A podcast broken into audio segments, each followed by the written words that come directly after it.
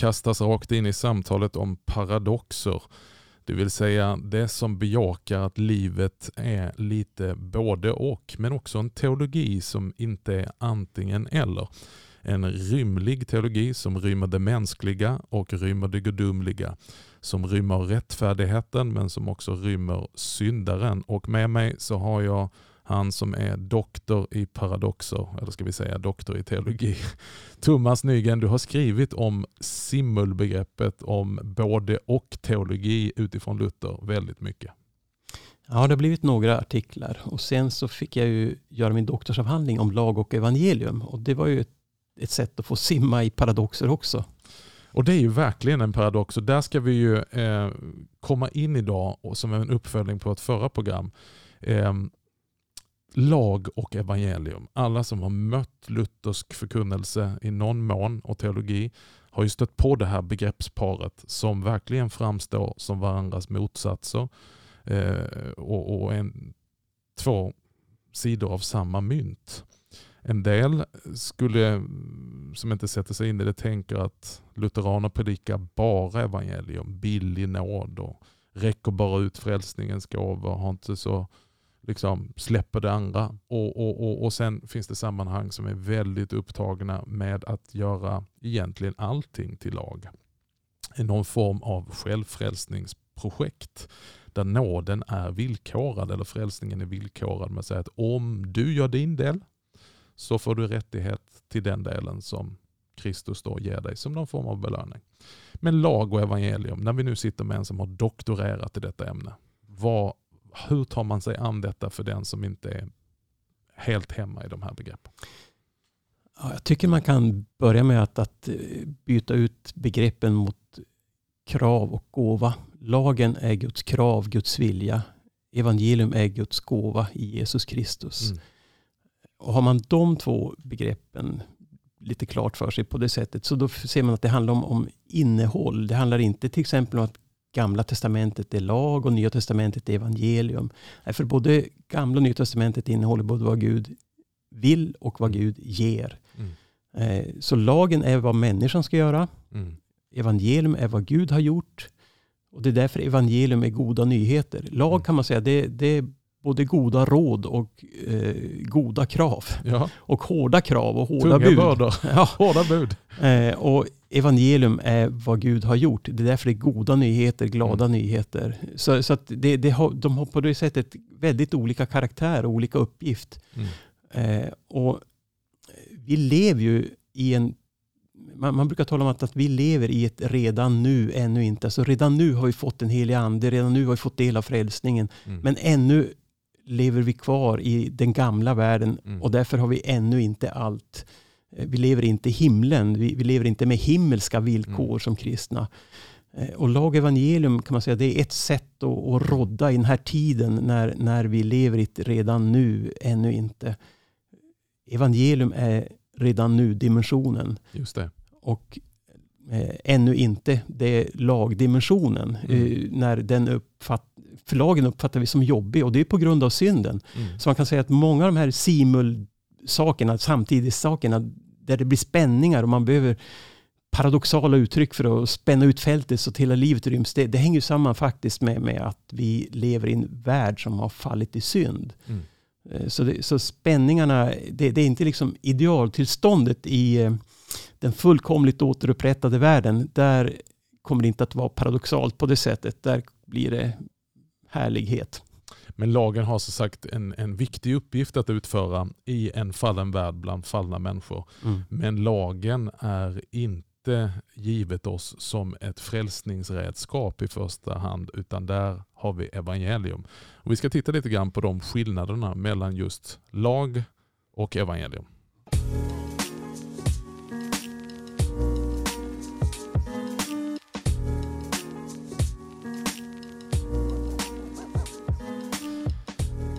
Så Thomas, vad kan man då använda för några verktyg, redskap? Vad finns det? Hur kan man avkoda Bibeln på något sätt?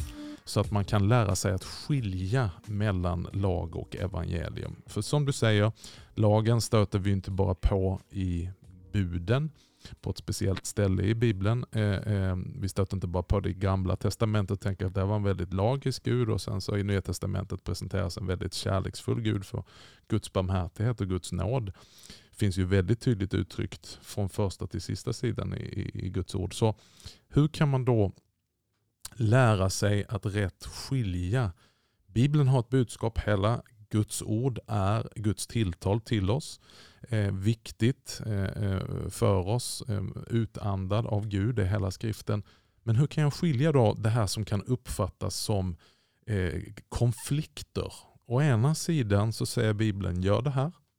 Å andra sidan så säger Bibeln allt är redan gjort, du behöver inget göra. Hur, hur, vad har du för några nycklar som du kan dela med dig och säga att så här lär du dig att skilja mellan lag och evangelium? Alltså jag, jag tänker mig att den här innehållsliga definitionen av lag och evangelium, eh, det, den, den kan man alltid ha med sig. Så att man, när man ser vad människan ska göra, instruktioner är mm. alltid lag. Eh, många kan uppfatta dubbla kärleksbudet, att du ska älska, mm. som evangelium. Men det är ju faktiskt ett av de tyngsta kraven man kan... Bud. Ja, det är tunga bud. Fantastiska bud. Ja. Lagen är god, ja. men den blir besvärlig för oss på grund av, av vår inneboende synd. Därför blir den lite avig att ha att göra med och, kan, och kommer att döma oss också för att vi når inte upp till, till lagen. Så lagen är ju egentligen, eh, kan man säga ur ett perspektiv, en, en spegelbild av Guds helighet, Guds mm. rättfärdighet och Guds kärlek i denna värld när det handlar om hur vill Gud att livet ska levas. Mm. Så det är ju livets goda ritning. Men det handlar ju alltid om vad människan ska göra. Precis. Men, och, det, och det är bra att ta upp det, att det, det är ju fantastiskt det lagen talar om. Alltså det, är ju, det är ju Guds väsen och Guds vilja som kommer till uttryck i lagen. Tänk vilken värld vi hade haft ifall alla levde efter lagens och Bibelns uppmaningar. Att alla skulle älska sin nästa som sig själv. Så det är, ju, det är absolut inget fel med det, utan tvärtom mycket eftersträvansvärt och en väldigt god eh, kompass, eller vad ska vi kalla det för, eh, eh vägvisare. Mm. Problemet är väl när folk läser det och gör det till någon sorts grund för sin egen visshet i förhållande till Gud. Mm. Att då får ju helt plötsligt de här orden en annan funktion. Ja, alltså om man låter lagen bära relationen till Gud, då får den fel plats och då kommer den att skapa världens kamp hos mig. Därför att då mm. måste jag ju fixa en hel massa saker för att kunna ha en god relation till, till Gud. Och det, det är ju det som är dilemmat hela tiden. Att, att mm. lagen tenderar att ta evangelisk plats. För Gud har alltid egentligen tänkt att relationen till honom ska bygga på vad han är och vad han har gett. Eh, inte på vad människan gör. Mm. Eh, så, så att syndens karaktär är ju egentligen att, eh, evan, att lagen tar evangeliets plats. Mm. Det, vi börjar läsa bergspredikan för varandra och tänker att det här är en manual som leder oss fram till Guds likhet. Eh, och, och det gör den verkligen. Alltså, vad, vad, vad bergspredikan talar om, men om man läser den på rätt sätt, så som jag i alla fall tror att den är tänkt att läsa, det är ju inte att Jesus på något sätt eh, sänker lagens krav, tvärtom. Han, han höjer dem avsevärt. Eh, och borrar dem in i själva hjärteroten så att det inte längre handlar om gärningar förstår vi. Bara, utan det också handlar om motiven i våra hjärtan. Mm. Du ska inte begå äktenskapsbrott har du hört sägas, men jag säger det att om du så bara i ditt hjärta har hyst åtrå till en annan kvinna eller sett med henne på åtrå så har du brutit äktenskap. Eh, och, och, och de här andra grejerna att, att eh, du ska inte mörda. Men om du bara har tänkt eller sagt ditt dumhuvud, då är du liksom under samma dum. Och då tänker mm. man, men, hur är detta möjligt? Bergspredikan kan ju inte vara en väg att jag ska upp, liksom nå min rättfärdighet. Samtidigt som det är en fantastisk vägvisare för ett gott liv här på jorden. Men om det är på den grunden som jag ska finna frid med Gud och uppnå min rättfärdighet, då är det ju kört redan innan man börjar. Mm. Lagen är grym ur det perspektivet och mm. fantastisk ur det här andra perspektivet som du tog upp. Eh, och det, det, är just här som det, eh, lagen har egentligen som uppgift mot den syndiga människan att göra två saker, tre saker egentligen. Mm. Det, det, första är att den, den eh, lagen på ett skapelseplan ger goda ritningar. Så, mm. så att vi, vi har, alltså alla människor alla normalfuntade människor har ju någon slags tanke om vad, vad, ett, vad ett bra liv är, hur en bra människa ska vara. Det är lagen som ger oss de tankarna, för lagen är inbakad i skapelsen. Eh, vi kommer inte undan den. Mm. Sen när man närmar sig Gud och Guds ord börjar ju lysa in i ens liv, då kommer lagen att avslöja mig inför Gud. Mm. Och då kommer jag att behöva evangelium. Så att då, mm. när det går rätt till, så att säga, och lag och evangelium, så att säga, får ljuda om vartannat, mm. eh, så kommer jag som människa att förstå att jag behöver en frälsare. Mm. Jag behöver en räddare. Och det här kan jag inte fixa själv. Mm. Och jag måste ge upp. Eh, jag klarar inte det här. Mm. Och det där kommer evangelium in och då blir ju evangelium verkligen det glada budskapet mm. om vad Gud har gjort. Inte de här goda råden som lagen annars mm. är. Eh, och det, det, är lätt att förväxla dem där i, hastigheten många gånger i det kristna livet. Någon har ju sagt så här att, att det är, eh, lagen har en viktig del som driver oss fram till Kristus. Mm. Eh, när man då tar lagen och vill verkligen lyfta sig själv i håret och bli en frum människa. Eh, och, och, och, och, Tar man lagen på allvar så kommer det ju, eh, i alla fall enligt den här teologen, att leda fram till en punkt där jag hatar både lagen och Gud. För vad han begär är orimligt. Rimligt på en teoretisk plan men orimligt utifrån att jag inte har förmågan. Så jag kommer aldrig till att nå, hur hårt jag än mm. strävar, mm. hur mycket jag än disciplinerar mig, så kommer jag till en punkt där allt med Gud och Guds lag, det blir någonting jag hatar. Och det är väl då man är en lämplig kandidat för att höra evangelium. Eller vad säger du? Ja, precis. Och, eh, och egentligen så tror jag att, att det där är en process som pågår på ett eller annat sätt genom hela kristenlivet. För att mm. det, det, är också så att, att vi vågar inte se hur det är med oss mm. om vi inte vet att det finns någon som tar emot oss mm. sådana vi är. Så därför lag och evangelium på ett sätt behöver ljuda samtidigt. Eh, en samtidighet här, ett mm. simul där också. Eh, och, och det, det, det, leder till en fördjupningsprocess där jag vågar se mer och mer utav vem jag är och bli mer och mer glad i Kristus för vad han har gjort. Och Det där förstärker varandra. Det är liksom den positiva cirkeln man kan komma in i, spiralen man kan komma in i. Och det, det som händer då i ens liv, det är att man, man kommer att bli mindre och mindre dömande mot andra. Mm. Man kommer att ha större och större förståelse för den som eh, kommer till korta, för att man vet att jag kommer till korta. Och det här, just det sned, steget som du gjorde, det kunde varit jag under andra mm. omständigheter. Jag har andra snedsteg som jag brottas med. Mm. Kanske. Och man, man behöver inte bli eh, kränkt om någon kommer anklaga en för något eh, och hamna i försvarsposition direkt. För att man, man, man kan tänka, ja, eh, låt säga att någon anklagar dig för någonting som inte riktigt stämmer. Mm. Då, då, om du lever i den här cirkeln, spiralen, eh, då, då kan du tänka, ja, ja, eh, okej, okay Eh, du skulle bara veta, just det där kanske inte stämmer kan du tänka då. Men du skulle bara veta så mycket värre saker som finns i mitt liv. Exakt. Som du inte känner till. Nej. Så jag kan ta det här eh, och eh, behöver inte försvara mig. Ehm, så, så, det blir, så den som verkligen lever i evangelium på det sättet blir ju en avväpnande människa som mm. är skön att umgås med. För att det är inte en människa som blir kränkt direkt. Det är inte en människa som hamnar i försvarsposition direkt, utan en människa som lyssnar och kan ta kritik och kan och också eh, kan ge kritik på ett helt annat sätt. För att det blir inte en kritik för att jag behöver hävda mig, mm. utan det blir en, i så fall en kritik som handlar om att jag ska hjälpa dig.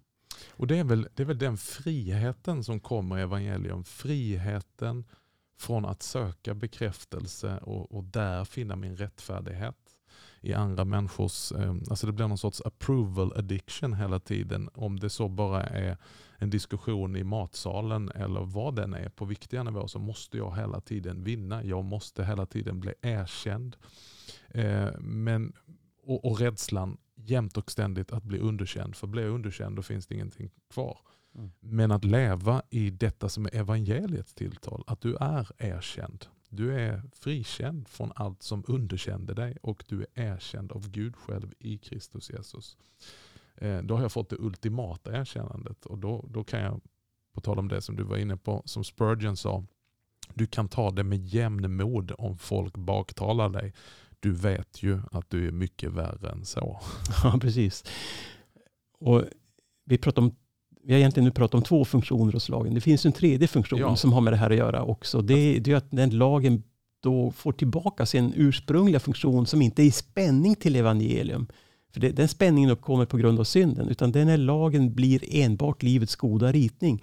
Och det blir det för mig som pånyttfödd människa så långt Guds ande får frihet att verka i mig så att säga. Så det, det innebär att, att jag som enskild människa går omkring med, med, tre dimensioner av lagen hela tiden. Lagen på ett allmänmänskligt plan som eh, handlar om, om rättvisa och sådana här saker. Som behövs som för behövs. alla ja, icke-kristna, kristna, ateister, agnostiker. Alla, alla. behöver det. Mm. Alla samhällen behöver det. Ja. Eh, lagen som driver mig till Kristus, som avslöjar mig. Och sen lagen efter evangelium som inte blir då något dömande utan blir verkligen goda råd i ordets bästa bemärkelse. Just det. Eh, som ger så att säga, ritningen för det goda livet. Och, och det, så att en luthersk teologi som i enlighet med bekännelseskriften har tre lagbruk som man brukar tala om. Då. Mm. Eh, det är en luthersk teologi som har utrymme för, för också helgelse ordentligt. Just och inte det. blir en anorektisk lutherdom som man, man, kan odla om man inte har med den här sista dimensionen. Och Det ska vi återkomma till för det är spännande.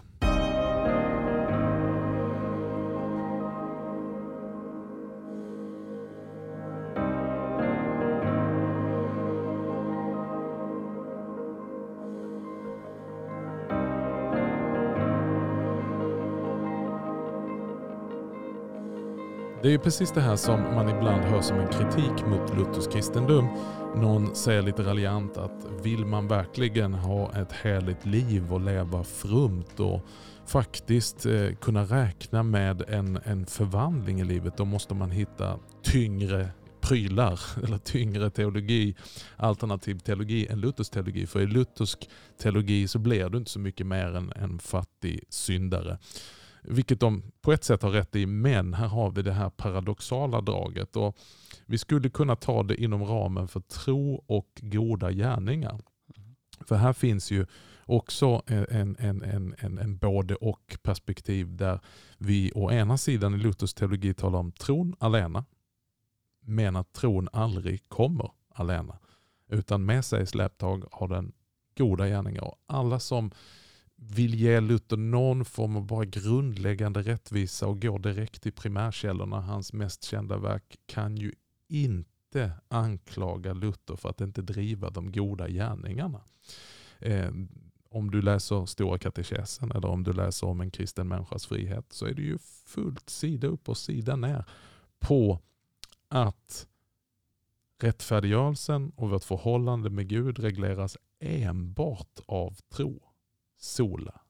Men samtidigt så är vårt liv fullt av goda gärningar likt frukt på ett gott träd.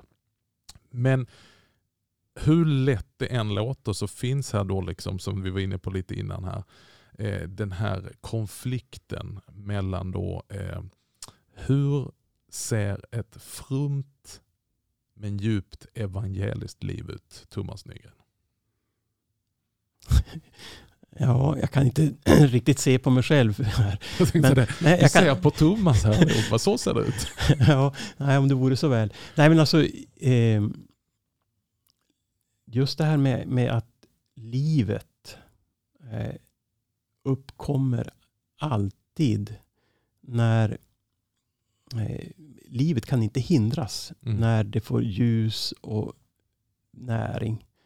Och när det som hindrar livet så att säga, röjs undan, att man rensar ogräs, men då kan inte livet hindras. Då kommer det att växa. Mm.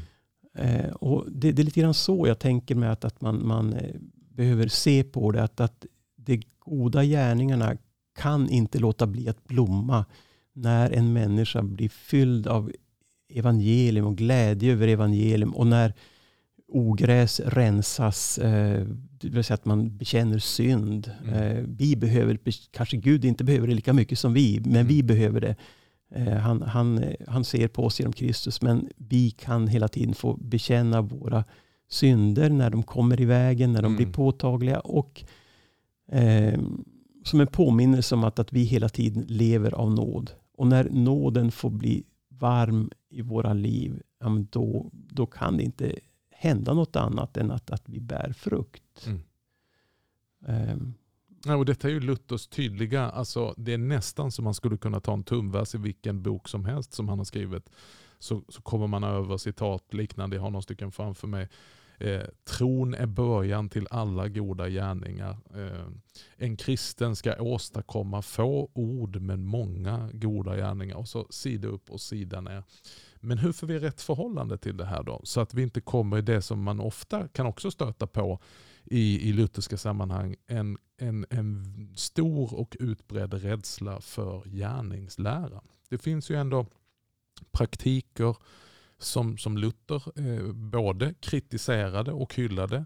Andliga praktiker, goda, eh, fromma vanor som, som vi uppmuntras att göra. Men där det då kan finnas den här rädslan, akta, nu blir det gärningslära. Hur ska en evangelisk kristen förhålla sig till gärningarnas plats?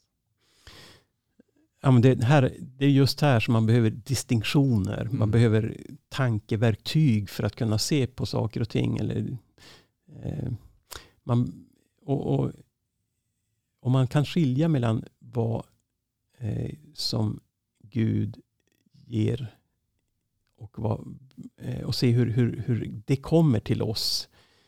Eh, så, så, så tror jag att, att man, att man får, får en hjälp i det här. Mm. För att om, om, om jag...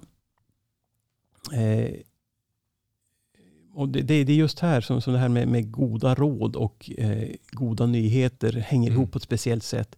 Om jag eh, har min glädje i evangelium, om jag upp, ser evan- evangelium få värma mig och, och Mm. ge mig liv, eh, då kommer ju jag att, att se på lagen Mm. eh, och förstå eh, den ur ett nytt perspektiv. För att den ger form åt de goda gärningarna. Så att det inte Mm. blir självvalda goda gärningar. Vi kan, ju, vi kan ju ha vilka tankar som helst om vad som skulle kunna vara gott. Men, men Gud har en form för det goda livet.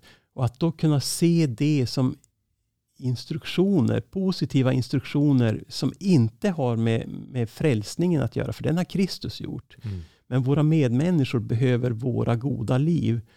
Eh, det är de som behöver få njuta frukterna av, av helgelsen som en enskild kristen kan få vara med om. Eh, så att, att, att se de goda råden i ljuset av evangeliet och sen aldrig tänka att de här goda råden kommer att leda till min frälsning eller bättra på min relation till Gud. För att det, det är liksom fel valuta att tänka på. Mm. Goda, goda gärningars valuta gäller inte inför Gud på det sättet. Det gäller Kristi valuta. Och det är intressant att komma in på det. För att då i, i vissa samtal som, som jag har haft eh, med den som kritiserar lite den här lutherska förhållningssättet till detta säger så att ja, men då kommer ni dragande med det här citatet som ni tycker är så fantastiskt. Gud behöver inte dina goda gärningar men din granne behöver dem. Och det, det vet vi ju. Eh, Det, det är den riktningen att vi vill finnas till hands för nästa. Men då säger personen i fråga, men vi själva, kan vi inte göra goda gärningar som är goda för oss själva? Alltså där kommer vi in på praktiker, goda vanor som är med. Alltså de goda gärningarna gör vi för att vi ska växa andligen i helgelse, i efterföljelse etc. Ehm, och återigen för att gå tillbaka till Luther, men, men så talar han ju väldigt mycket om, inte minst eh, om en kristen människas frihet, att gärningarna behöver vi göra för att tukta vårt kött och hålla tillbaka den gamla naturen så att den skall, nu kommer jag inte ihåg ordagrant, men alltså efterlikna Kristus. Det finns ju där tydligt, men Mm. vill du utveckla? Just det här skeva synen på att vi får inte göra goda gärningar för oss själva. Eh, det, det är ju... Det, det, det är ett... ett eh, alltså just det här med att, att, att kunna hålla två saker i huvudet samtidigt är, är ju ett simul här också. Mm, Eh, mm, Därför att inför Gud Ja. eh, och inför människor, och inför människor det är också inför mig själv, mm, så gäller lite olika villkor. mm, Eh, det är självklart så att inför Gud, om vi tittar då på det ur- ett lutherskt perspektiv, så är det alldeles självklart egentligen att där kan vi ingenting göra. Eh, så där har vi fått allt vi behöver i Kristus. Men inför oss själva, inför medmänniskor, så finns det mycket att göra. Och det är klart att, att vi kan göra goda saker på ett skapelseplan mot oss själva och, och mot våra medmänniskor. Och det, det, och det finns, ju, och det finns ett, ett samband med den här frälsningsdimensionen också. Just genom att eh, just genom de här andliga praktikerna. Mm. Jag menar, ett, eh, till exempel när, eh, när man firar nattvard mm. och prästen säger allt är tillrätt. Mm. Egentligen säger ta och ät. Mm. Men vad, ta och ät är ju en instruktion. Ja, det är lag.